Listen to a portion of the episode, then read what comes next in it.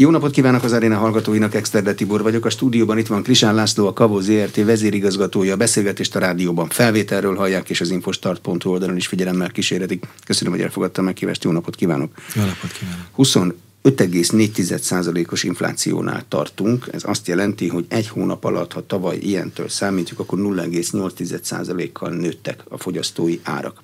Az önök látókörében lévő vállalkozók ilyenkor mit terveznek át? Mert egy magánszemély kevesebbet fogyaszt, vagy többet próbál dolgozni. Hát egyrészt az nagyon fontos elem, azt hiszem talán múlt év decemberében valamelyik írásomban írtam le azt, hogy 25,7-et várunk, vagy várok én, mint egy inflációs tetőzés ez, ez bejött, 25,7 lett januárban ugye a, a teteje az inflációnak, most 25,4. Én azt érzem, hogy ez most egy platózás, tehát most picit oldalt, oldalt gördülünk, de nagyon hamar meg fog indulni ez egy, ez egy elég drasztikus mértékben, ahogy egyébként a bázis hatás, ugye a múlt évi folyamatos árnövekedés miatt a bázis hatás mindenféleképpen nagyon gyorsá fogja tenni ezt, a, ezt az elindulást lefelé és szerintem egy ilyen május környéken lesz egy ilyen drasztikus elmozdulás. Ugye az inflációt az, az nem egy hét alatt lehet összepattintani és, és, és eltüntetni sem. Tehát az inflációnak az a nagy problémája, hogy egy nagyon egy melós jószág ez az infláció. Összehozni is nehezebb, de hogyha sok dolog együtt áll, akkor ez sikerül.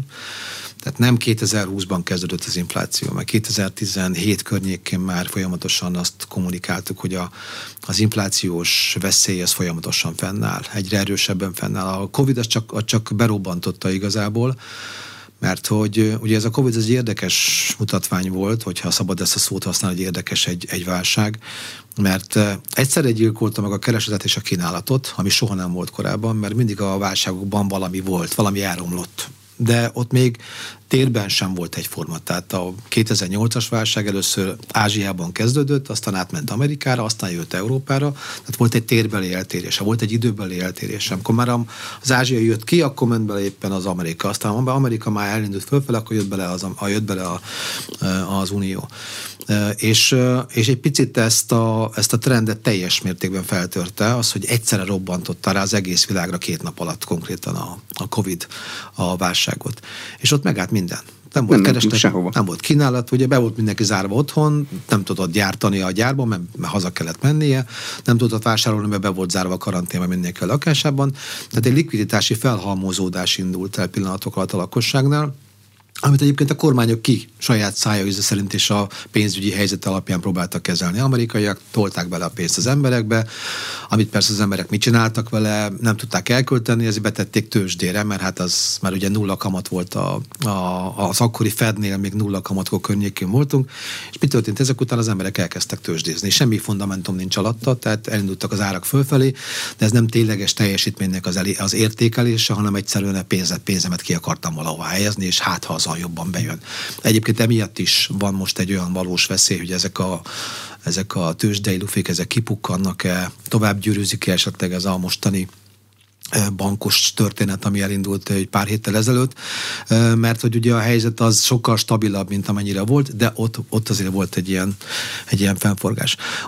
Nem, nem választanám én nagyon külön a, a lakosságot és a vállalkozásokat, főleg a mikrovállalkozásokat, nem az a kettő ugyanaz.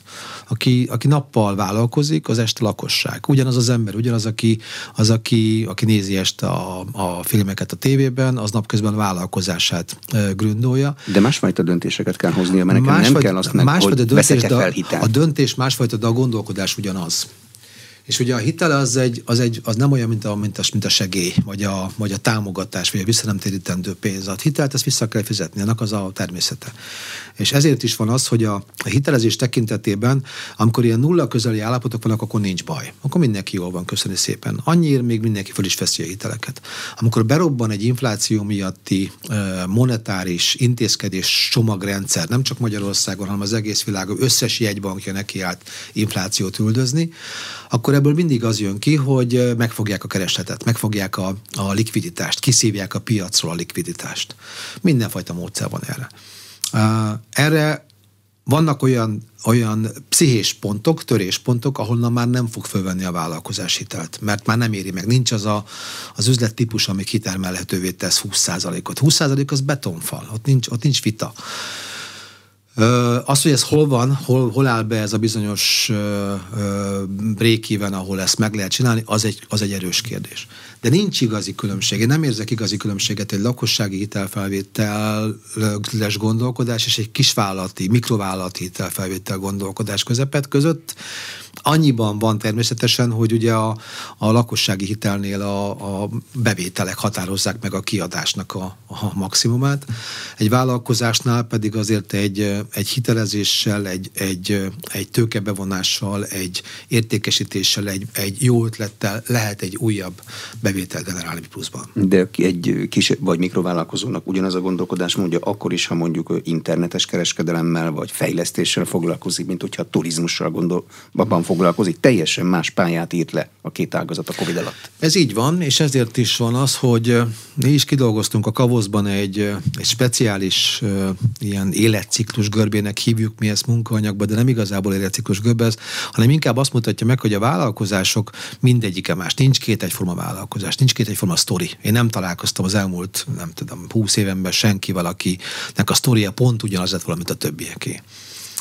Minden vállalkozásnak a saját életkorában, méretében, időszakában, helyzetében, szektorában másra és másra van szüksége. Egy kezdővállalkozásnak nem nagy, hatalmas tőkék kellenek, meg garanciák, meg pályázati pénzek, mert úgyse kapja meg. Neki egy induló ötletre van szüksége, egy induló tőkére van szüksége, és egy elhatározásra van szüksége. Amikor beindul, akkor már persze kell neki egy picike ilyen folyószámla hittel, vagy egy kis forgóeszköz hittel, aztán később bevenne egy kicsit nagyobb gépet, vagy venne egy furgont, vagy, venne, vagy venne, megvenni azt a helyiséget, amit eddig bérelt. Elkezd mozogni fölfelé az élet, élet, élete során, az életciklusa során, és ahogy növekszik a vállalkozás, ahogy korosodik a vállalkozás, egyre több újabb és újabb elem érkezik be az általam TTHPG-A-nak hívott ilyen betűszóból, ami a tőke, a támogatás, a hitel, a pályázat, a garancia és az akadálymentesítés szavakból áll össze. Ebből lehet válogatni egyfajta ilyen menüként, hogy kinek, melyik életkorában, melyik méretében, melyik izomzatában mire is van igazából szüksége. Egy középvállalatnak minden bank ad pénzt. Ismerik 20 éve, tudják, hogy ez megbízható, biztos talpakon áll, működik ott inkább már akadálymentesítés kell, neki már piacot kell, neki már nyelvtudás kell, neki már menedzsmenti tudás kell, ott már generációváltás kell. És a középvállalkozásoknak egy nagyon erős természete az, hogy, hogy 30 éve indultak az akkori alapító most arra, akkor volt 30-40-50 éves, most arra 70-80. Ott már át kéne adni a céget a, a fiataloknak, az, a családba valakinek át kéne adni. Neki már menedzsmenti kérdései vannak, neki már az akadálymentesítés és nem a pénz kérdése van. Az elején meg ugye még mindig nagyon kell a pénz. És így, ahogy megyünk végig az életkorban, ez a bizonyos TTHPGA, ez nagyon-nagyon erősen mutatja azt, hogy egy vállalkozásnak mire is van igazából szüksége. Nekünk az a dolgunk egyébként, hogy ezeket feltárjuk.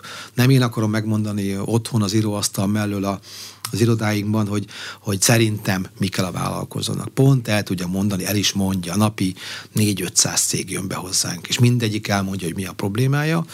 Nekünk viszonylag jó ütemérzékkel és, és óriási érzékenységgel ezt be kell fogadni. Egyébként érdemes befogadni, mert nem mondanak butaságot, ezeket befogadjuk, összegyűjtjük, ebből csinálunk egy problémafelvetést, megnézzük, hogy tudunk-e hozzátenni olyan projektet, programot, terméket, hitelt, hitel valamit, hitelkonstrukciót, ami segíthet ezen, aztán megpróbáljuk ezt a szakpolitikán és a gazdaságpolitika résztvevő és a döntéshozók számára lefordíthatóvá tenni, hogy értsék azt, hogy mi is a probléma gyökere, és javasolni különböző alternatívákat, opciókat, programokat, projekteket, és amennyiben ezt elfogadja, akkor már csak le kell bonyolítanunk idézőjelben, és azt gondoljuk, azt gondolom, hogy nekünk igazából talán ez a titkunk, ez a, ez a mi, mi ezt a három Q-nak nevezzük, ez az IQ, EQ és AQ, és nem azért, mert most nagyzolunk, hanem ugye kell egy, ez az intelligencia, az IQ, az kell hozzá, mert egyszerűen nagyon,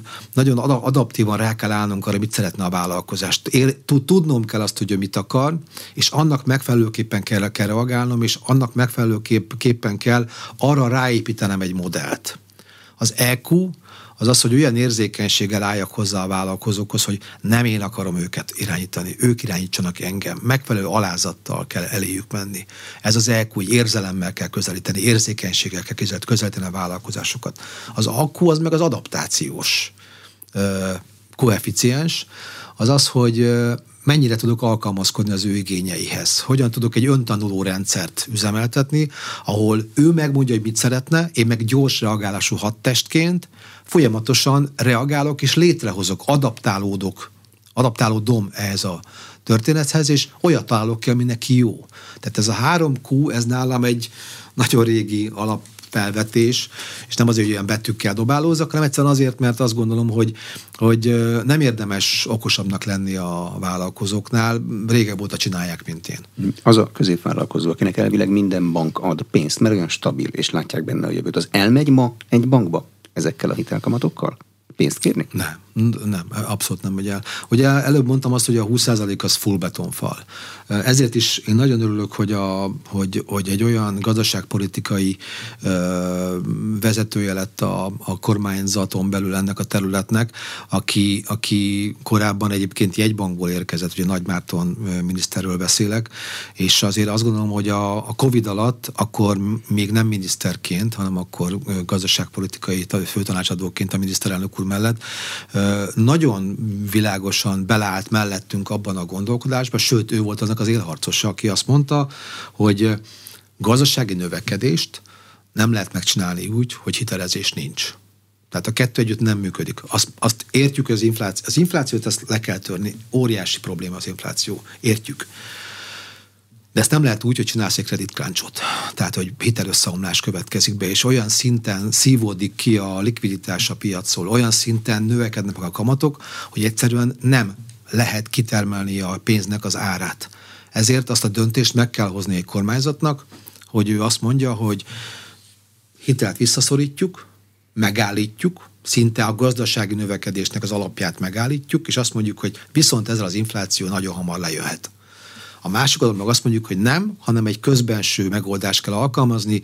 Igenis, ki kell jelenteni azt, hogy vannak olyan szektorok, vannak olyan gazdaság stratégiai jelentőségű területek, és cégtípusok, amiket meg kell támogatni. Ha ez most szektor, éppen a turizmus, ha most a, szektor, a vendéglátás, ha most a szektorban a, a kereskedelem, bármelyiket is kiválasztom, akkor biztos, hogy ebben benne van annak a lehetősége, hogy nekünk azokra egy államilag támogatott hitelt kell tudni garantálni vagy adni, hiszen hogyha 20%-ot fizetnék a hitelért, azt nem tudják kitermelni. 3,5%, 5% környékén az már egy kitermelhető történet, főleg egy 20%-os kamatpiac, kamatpiaci környezetben. Tehát én nagyon-nagyon hiszek abban, hogy, hogy én nem akarom ezt a vitát eldönteni, kanyarba előzni kell, vagy fékezni. Nem az én, nem az én ö, kompetenciám. Az viszont biztos, hogy egyszerre a kettőt nem lehet csinálni mert akkor biztos, hogy kitör a kocsinak a hátulja. Tehát én azt látom, hogy azzal, hogy a KKV szektort a gazdaság stratégiai elemmé és nemzetgazdasági prioritássá emelte a miniszterelnök úr, azzal, hogy a gazdaságfejlesztési minisztérium ebbe teljesen élharcosként beleállt, és az a mondás van, hogy ameddig az inflációt nem sikerül letörni, akkor is tartani kell egy nagyon komoly pénzügyi kiadással jár, ez költségvetésben egy komoly kiadást jelent, egy ilyen komoly kiadás mellett is fel kell, felvállalja az állam azt, hogy ezt a költséget ő viszi. Annak ellenére, hogy 22 is, meg a 23 is nem egy ilyen fényes gazdasági év lesz, mert ez egy fontos szempont, hogy a vállalkozásokat próbáljuk meg megtartani. Ezáltal a gazdaság növekedés legalább próbálni nulla fölött egy fél, másfél, valami ilyesmi környéken beállítani, úgy, hogy egyébként közben azért a világ a szana szétszakadt. Tehát ne legyen kétségünk, ez az egész háború, a Covid után hirtelen két évvel később, ez, ez azért a halmozott a hátrányos helyzetű tipikus példa. Kell az, hogy a piac is tudjon kitermelhető kamatú hiteleket biztosítani, vagy az idők végezetéig egy nagy állami ráfordítással mehet a kiemelt szektorok megtartása? Nekünk 20 évünk van ebben a Széchenyi kártyában, 20 éve kezdtük el. Én azt gondolom, hogy a, amikor elkezdtük, akkor 17-18 százalékos kamatok voltak, és akkor is kamattámogatással indultunk el. Aztán, hogy le, leszivárogtak a kamatok, lementek egy környékére, kettőre, háromra, ott nem is volt szükség ilyen mértékűre, hanem egy százalék kamat támogatásunk volt. Tehát picikével olcsóbbak voltunk, mint a piaci kamatok, de igazából a Széchenyi Kejt az azért is, az pont ezek, ezek, ezek miatt az adaptációs képessége miatt érdekesen közlekedik, mert nekünk nem csak az a dolgunk, hogy olcsók legyünk, a legolcsóbbak legyünk. Ez a, nekem, nekem mindig ez a legek terméke. A legkreatívabb, a legjobb feltételekkel, a legadminisztrációmentesebb, a legvállalkozószerűbb, a legvállalkozó nyelvűbb.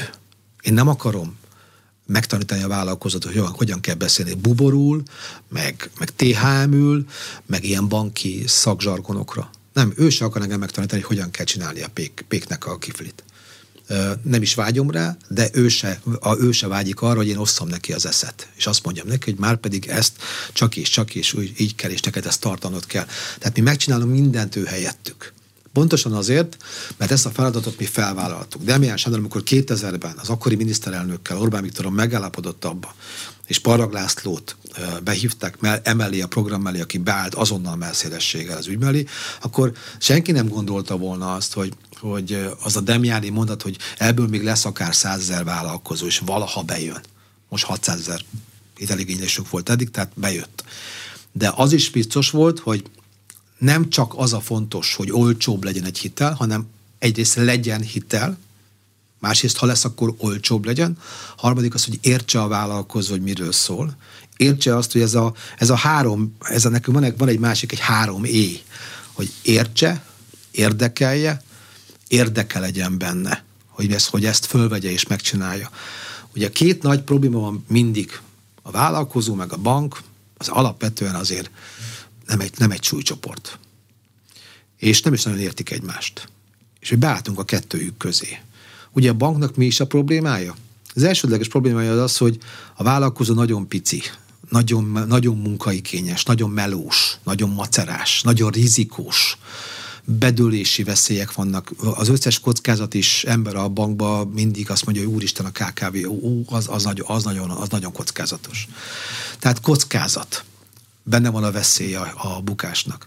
A másik oldalról a vállalkozó meg azt mondja, hogy a bank az drága túlfedezi magát, furán beszél, amit nem is értek. Egyébként is nem, én nem, nekem ez messze van. És mi azt mondtuk, hogy figyelj, vállalkozó, neked a bank az drága? Igen, hát akkor ha megolcsósítanánk ezt egy kamattámogatással, ahhoz mit szólnál? Hát az, az, az úgy már érdekelne. Ja, és hogyha emellett még megcsinálnánk azt is, hogy ne kelljen neked behoznod ötszörös fedezetet, ingatlant, meg egyebeket, és ezért az államot megkérjük arra szépen, hogy esetleg adjon hozzá egy garancia hátteret, egy állami garancia hátteret akkor aztán még az se kell, hogy be kell, hozni, be kell hoznod otthon egy csomó plusz ingatlant. Hú, hát ez nagyon jó lenne. És elmentük a bankhoz, hogy figyelj bank, félsz a vállalkozó, én nagyon félek tőle. És mit gondolsz, hogy ha, ha kapnál egy nagyon komoly, mondjuk 70, később 80, később pedig 90 százalékos állami viszontgaranciát arra, hogyha történik valami a vállalkozással, akkor az állam neked helytáll a bedőlt vállalkozás helyett, az mit szólnál? Ja, az úgy tetszik. Jó, hát világos, a banknak felelnie kell a részvényesei felé. Abszolút. Meg kell a, nézd, az önpénze, az én pénzem, és ott van benne a bankban. Én sem örülnék, hogyha a bank sütre főre odaadná mindenkinek, úgyhogy nincs meg ott a fedezet. Csak hogy ugye ez, a, ez a, az, általam, az általam törési együttható és csavarási mutató közötti vékony mesdjén mozgunk azért, hogy melyik az a pont, ahol még, ahol még a banknak ö, van igaza, hogy óvatos, és melyik az a pont, ahol már, ahol már azért értelmetlen, mert már túlcsavart, és már nem lehet abból kihozni, és a vállalkozó nem fogja tudni megcsinálni. Most egyébként is ez van, ugye válsághelyzetben minden bank satúféket húz. Én ezt úgy fogalmaztam a múltkor egy konferencián, hogy a, a hosszú fekete csík az autópályán az nem a, az óvatos lassításnak a jele, hanem a satúféké. És ugye a bank ilyenkor egy ilyen helyzetben, amikor egy ismeretlen dolog indul be, egy ismeretlen válságtípus, mert a 2008-as is ismeretlen volt, mert elszoktunk tőle, előtte nem volt 10 éven keresztül válság. Aztán jött a Covid, az meg aztán végképp egy fura dolog volt, mert az egy, az egy természetellenes válság volt. Aztán jött hozzá egy háború, ami meg aztán egy energiaválsággal egészült ki. És ez egyébként még, és én nem akarok brüsszelezni, nem az én dolgom, és nem vagyok hál' politikus, de egy biztos, nagyon nem tesz jót az, hogyha ha, ha saját magát rugdossa bokán az ember folyamatosan. És az Unió, én azt érzem, hogy ezzel a, az állandó önkorlátozásokkal, ezekkel saját magával szúr ki elsősorban, meg a tagállamokkal szúr ki elsősorban, és nem azzal, aki, aki felé ezt irányítaná ezt az egész dolgot. Tehát nekünk most nem az lenne a dolgunk, hogy szűkítsünk, szigorítsunk. A 2008 az jó példája volt. 2008-ban az amerikai Fed elnöke, az kiállt a Fed erkélyére, és két kézzel szórta az emberek közé, meg a vállalkozások közé a pénzt. Miközben az Európai Unió, az LKB, az EIB, az EIF és, a, és az, az, az, az IMF, az pedig szigorításokkal és szűkítésekkel próbálta ezt kezelni. Mind a kettő másik iskola, Mind a kettőnek lehet helye, volt, amikor működött ez száz évszázadokon keresztül, volt, amikor nem működött, de egy biztos akkor nagyon látszott az, hogy melyik a működőképesebb modell. Most a 20-as Covidot egyébként érdekes módon sokkal rugalmasabban kezelt az Unió, egészen a Covid végéig szinte meglepően. Én meglepődtem, és nagyon örültem neki, hogy most akkor hirtelen másképp kezelik, sokkal nyitottabban kezelték ezt a válságot.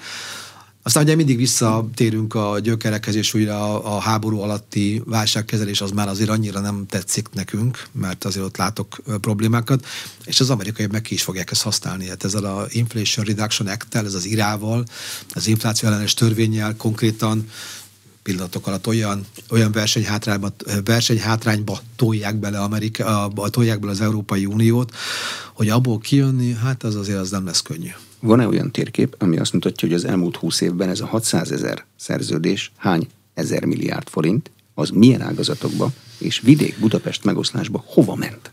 Én nagyon büszke vagyok, én pesti gyerek vagyok, és, és ehhez képest 75% vidékit, vidéki ételünk van. Egész 20 Mi a magyarázata? Ö, Más so, sok, sok magyarázat, nem, nem tudom, ugye eleve a méret az teljesen, teljesen érdekes, érdekesen alakul. A szektorra visszatérve csak annyit, hogy nagyon visszaköszön a KSH, tehát első a kereskedelem, vendéglátás, jármű, tehát nagyon leképezhető az a torta a diagram, ami van a KSH-ban, az szinte egy az egybe lejön nálunk is. Tehát ez látszik abból, hogy van 8000 vállalkozás Magyarországon, mondjuk ebből 400 ezer az a nano, általam nano vállalkozásnak hívott vállalkozás, ami úgy inkább egy egyszemélyes önfenntartó a fizetésemet. Korábban katásoknak hívták őket, most, most hívjuk őket másoknak. Ezekkel én azt érzékelem, hogy, hogy igazából a banki szempontból nagyon nehéz bármit kezelni. Túl kicsik, túlságosan, mik, na, nagyon, a mikro alatti kategória. A középvállalati kategória az meg nagyon szűk. Az csak egy, egy talán 10-12 ezer vállalkozás van, aki közép, középméretű, középvállalkozás Az, méretű. akinek már vannak alkalmazottai? És uh, már van, van főállású vezető? Tehát ez a közép... közép, a középvállalkozásnak ugye még mindig az uniós definícióval bohóckodunk, ezt azért mondom, mert nagyon nem értek vele egyet. Tehát az a középvállalkozás, akinek 50 millió eurója van, uh, forgalma van és 249 létszáma van. Ugye ez Németországban ezer szám vannak ilyen, tízezer szám vannak ilyen cégek, Magyarországon meg van tízezer összesen. Tehát én biztos, hogy sokkal jobban kitágítanám ezt a kört, és sokkal jobban széthúznám ezt az egész dolgot, de hát ez, ez, ez ugye uniós definíció.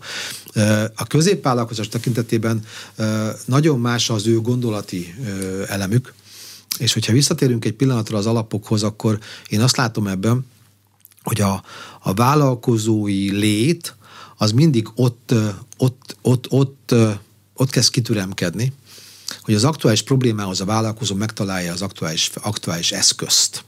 És mi eszközt akarunk valamilyen módon az ő kezükbe adni. És ez az eszköz az, ami nekem kifejezetten fontos.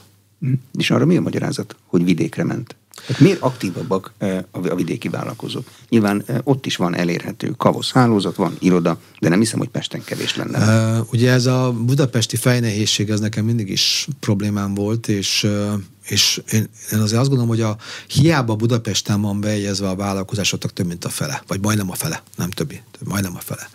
Azért ez nem teljesen így van. Tehát a vállalkozásoknak a jó része vidéken dolgozik. Az, hogy Budapesti bejelenti magát, annak van egy praktikus oka, Budapesten nehezebben fog eljutni hozzájuk a NAV, eh, hogyha a budapesti sok-sok vállalkozást kell végignéznie, mint egy helyi NAV, aki az ott levő pár száz céget viszonylag hamar végig tudja eh, nézni, hogyha arra, arra van esetleg szükség.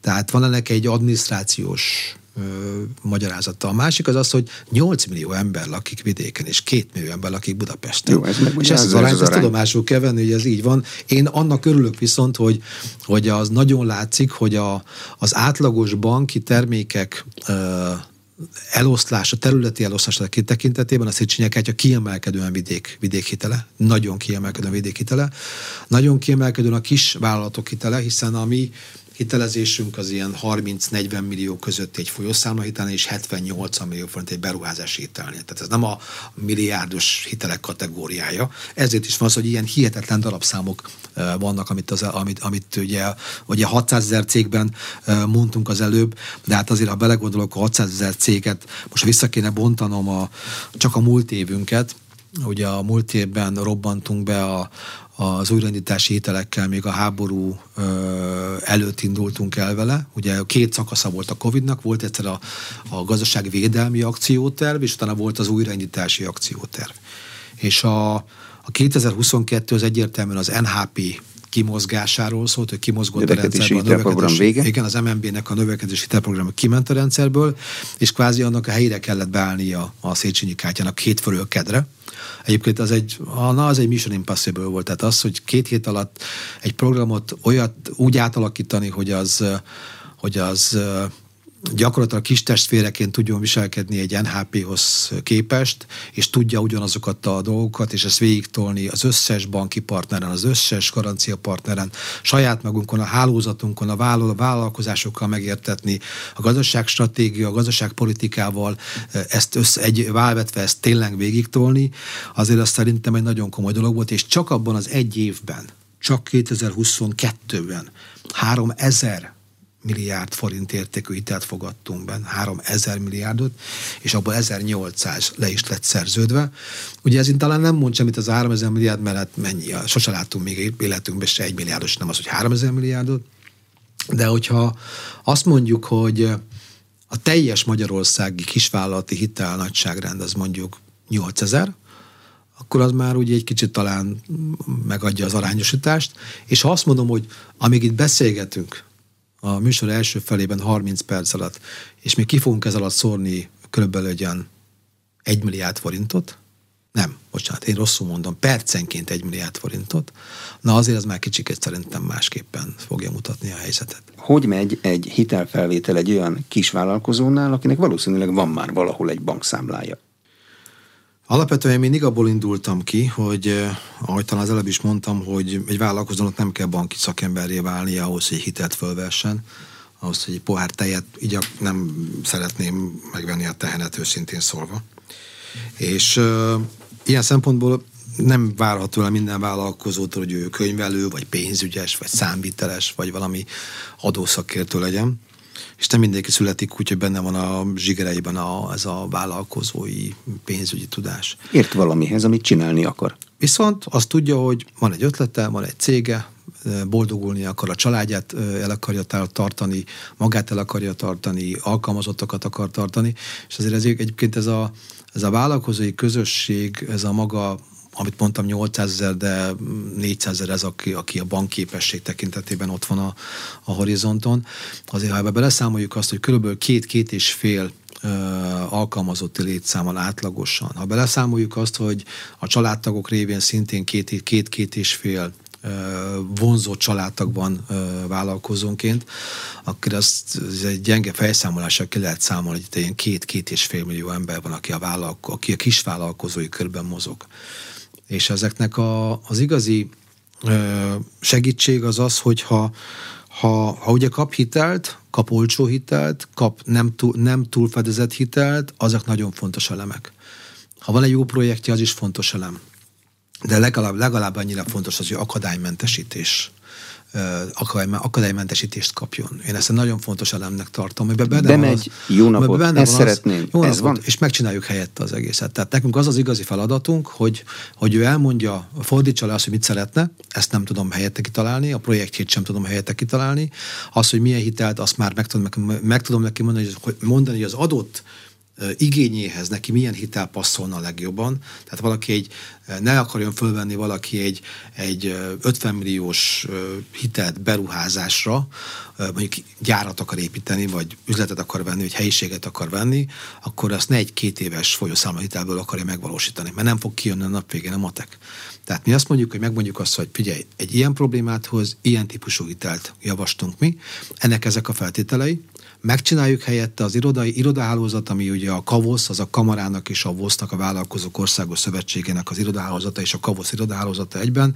Ez 220 helyen szerte az országban ott van és ott az összes kollega arra van kiképezve, arra a segítségre van kiképezve, hogy a vállalkozókat vigye végig a legelső ötlettől egészen odáig, hogy a dosszié becsukódik, aláírva a vállalkozó által, és mi ezt az egész dossziét online, vagy, ö, vagy elektronikus formában is, és nyomtatott formában is átadjuk a bank felé, akinek ezt a papírt ő is ő feldolgozza, átnézi, és ő hozza meg a banki hiteldöntést, hiszen a pénz az a banké, mi csak idézőjelben megolcsósítjuk az állami kamattámogatáson keresztül, és meggarantáljuk az állami garancia intézményeken keresztül.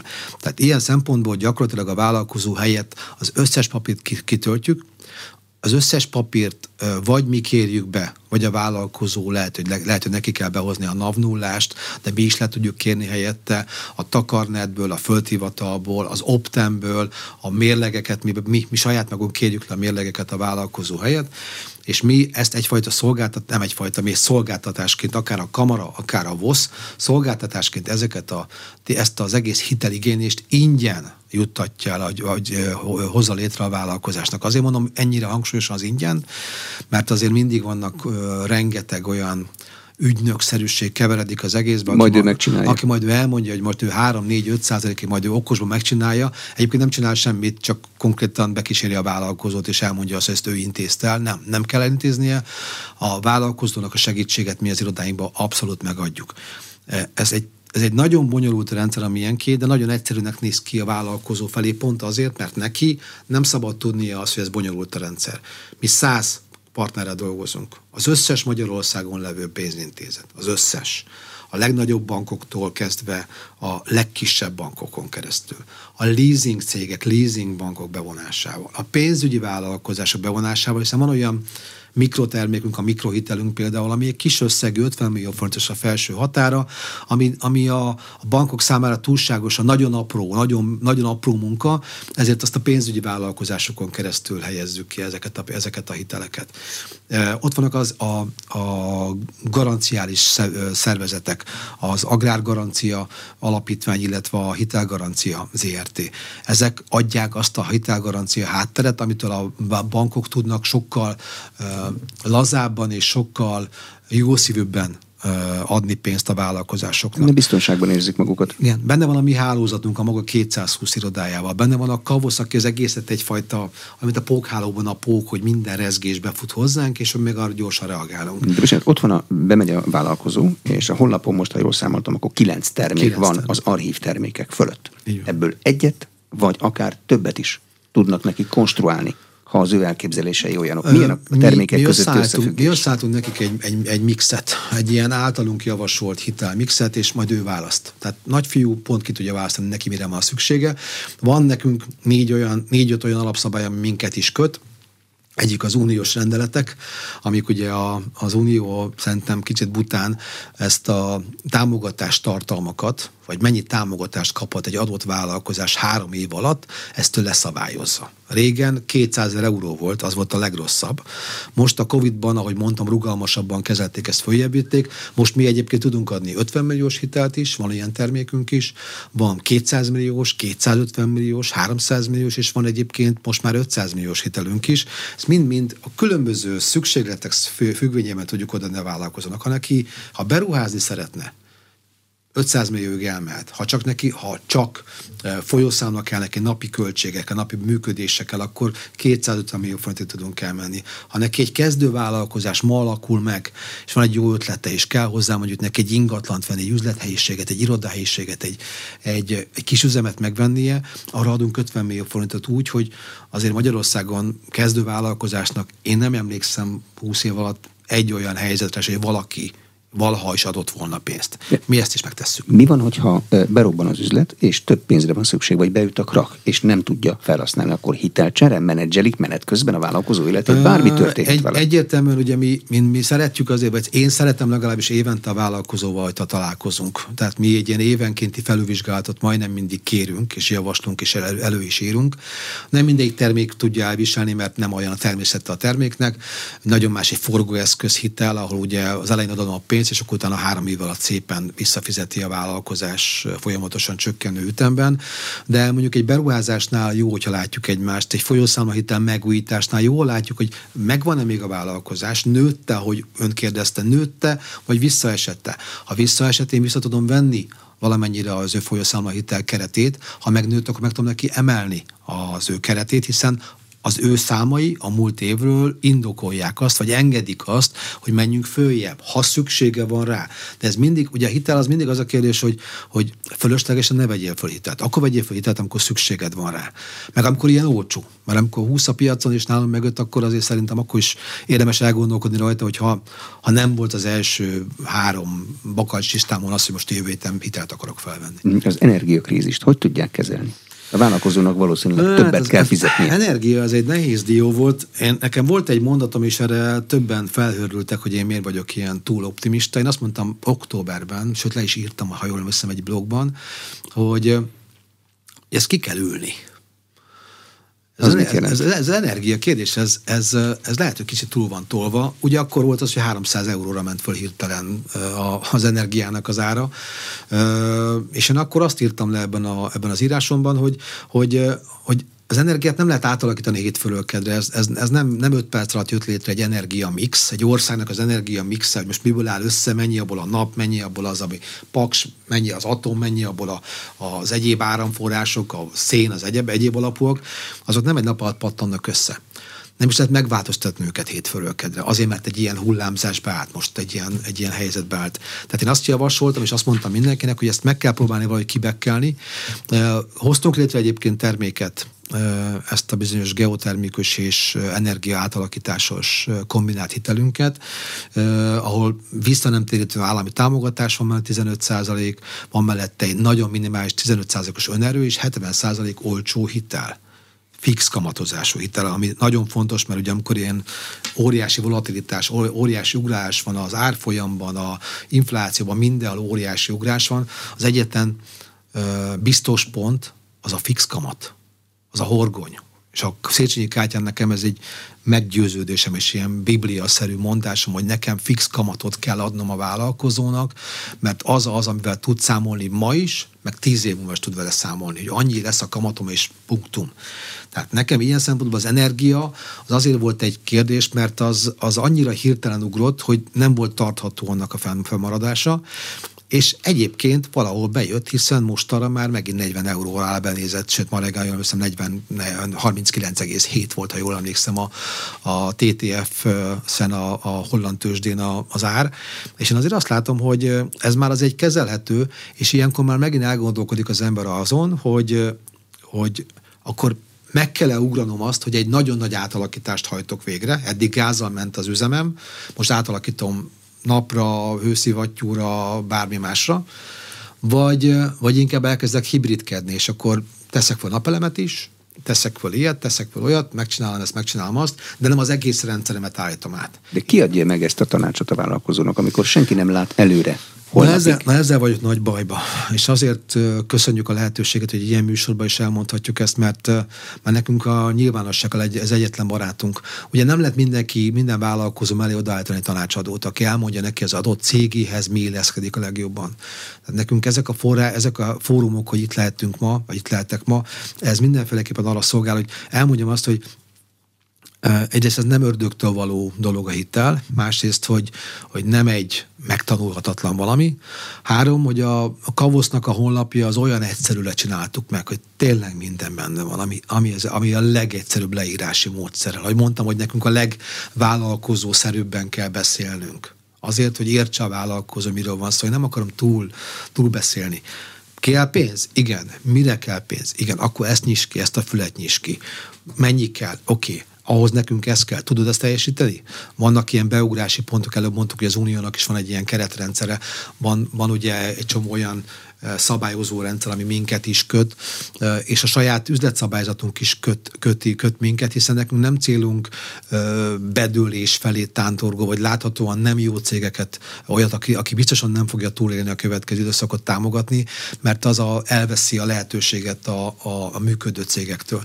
De én nem akarom eldönteni, hogy most akkor mi nem Tajgetosz hegyét játszunk, hanem mi azt mondjuk, hogy szeretnénk azt támogatni, akinek van egy látható működési múltja. És azért, hogy az ő működési múltja mondjuk az elmúlt évben az árbevétele ennyi meg ennyi volt, tehát látszik az, hogy vissza tudja fizetni mondjuk a hitelt, akkor mi nem kérünk tőle ingatlant. Mert azt mondjuk, hogy figyelj, van egy múltad. Bizonyítottál, egy, két, három, négy éve te működő cég vagy, akkor neked nem kell behozni ingatlant, elhiszük neked azt, hogy most te vissza fogod ezt fizetni, biztos, ami biztos, azt mondjuk, hogy az múlt évi árbevételednek a 25%-áig ingatlan fedezet nélkül is kapsz tőlünk hitelt. És ezt ő érti. El is fogadja, meg is köszöni, remélem. Hm? Milyen arányban lehet egészségesnek mondani egy országban, a miénkben, az uniós pénz, az állami pénz, ami, amiről eddig beszéltünk, meg az úgynevezett külföldi tőke bevonását. Tehát van-e ennek valamilyen egészséges aránya? Uh,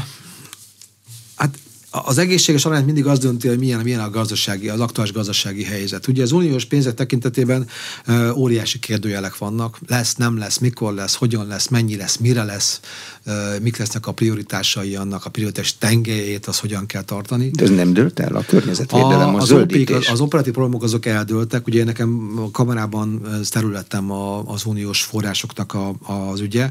Én nagyon régen foglalkozom, 2004 óta, a csatlakozásunk óta járok Brüsszelbe folyamatosan folyamatosan, és én azért látom, hogy milyen gondol, gondolkodás van ott.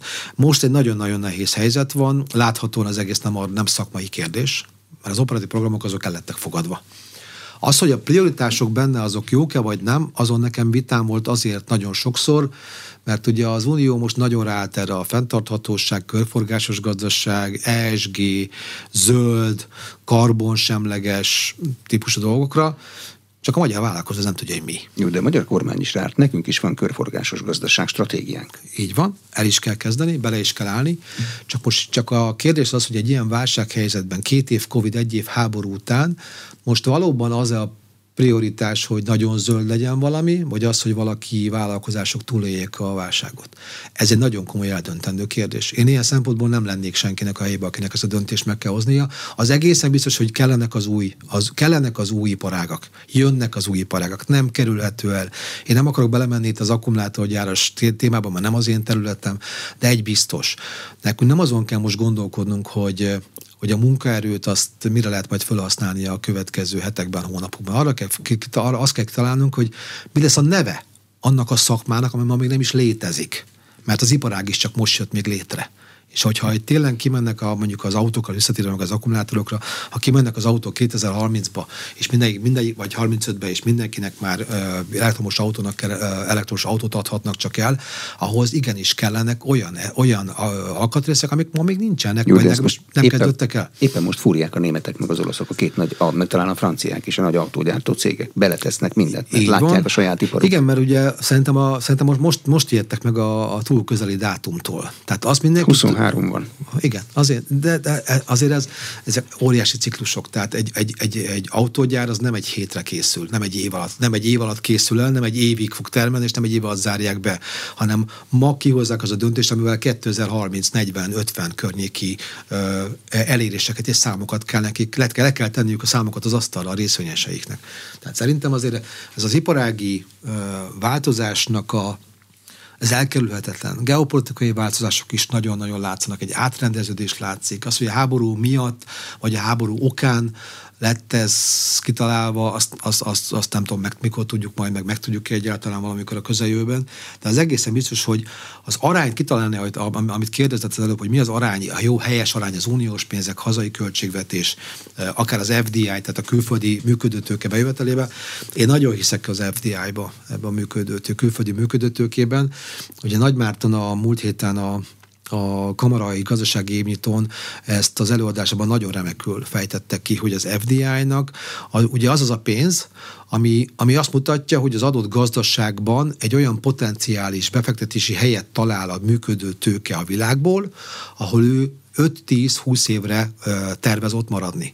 Tehát azért fontosak ezek a harcok, meg, megharcolni egy-egy gyárnak a felállításáért, egy-egy iparágnak a, az idehozataláért, mert utána ez meg fogja határozni hosszú-hosszú évtizedekre az adott gazdaságnak a, a működését és a működési kultúráját és a, az ahhoz illeszkedő munkaerőt, munkahelyeket, Jó, munkatudást. Azt látják, hogy a kavosz ügyfélköre ebből a külföldi működőtőkéből mit fog majd profitálni? Nekünk azt kell tudni felállítani, hogy a, az a bizonyos működési lánc, nem az ellátási lánc, a működési lánc, az hogyan tud úgy aláépülni, hogy a nagyvállalatok, a nagy gigavállalatok, a nagy gyárak, az az alatt levő tír egy, tír kettő, tehát a beszállítói ö, részeknek a különböző elemei. Ugye a tír egy az, aki az azok a beszállítók, akik tényleg komplet egységeket szállítanak be, mondjuk a Mercedesbe vagy az Audi-ba. Alatt van a tír kettő, tír három, és megyünk végig, és egyre inkább megyünk le arra a vállalkozói méretre, ahol már a, a, a műszerfalhoz, a, a, a sebességmérőhöz a kis pöcköt, a kis alkatrészt, az melyik alvállalkozó fogja beszállítani, vagy az indexkarnak a végén levő gombot az ki fogja beszállítani. De biztos, hogy az miénk lesz. A kábelkorbács története. Ukrajnában gyártanak kábelkorbácsot. Most, most éppen háború Most éppen háború, és sor, sor már rombolták, tehát az első, az első héten lerombolták az összes kábelkorbács és koromgyárat, és innentől kezdve nem is volt az autóknak fekete kereke szinte, mert hogy a, ugye korom az azért kell, hogy fekete legyen a kerék és ne csúszson.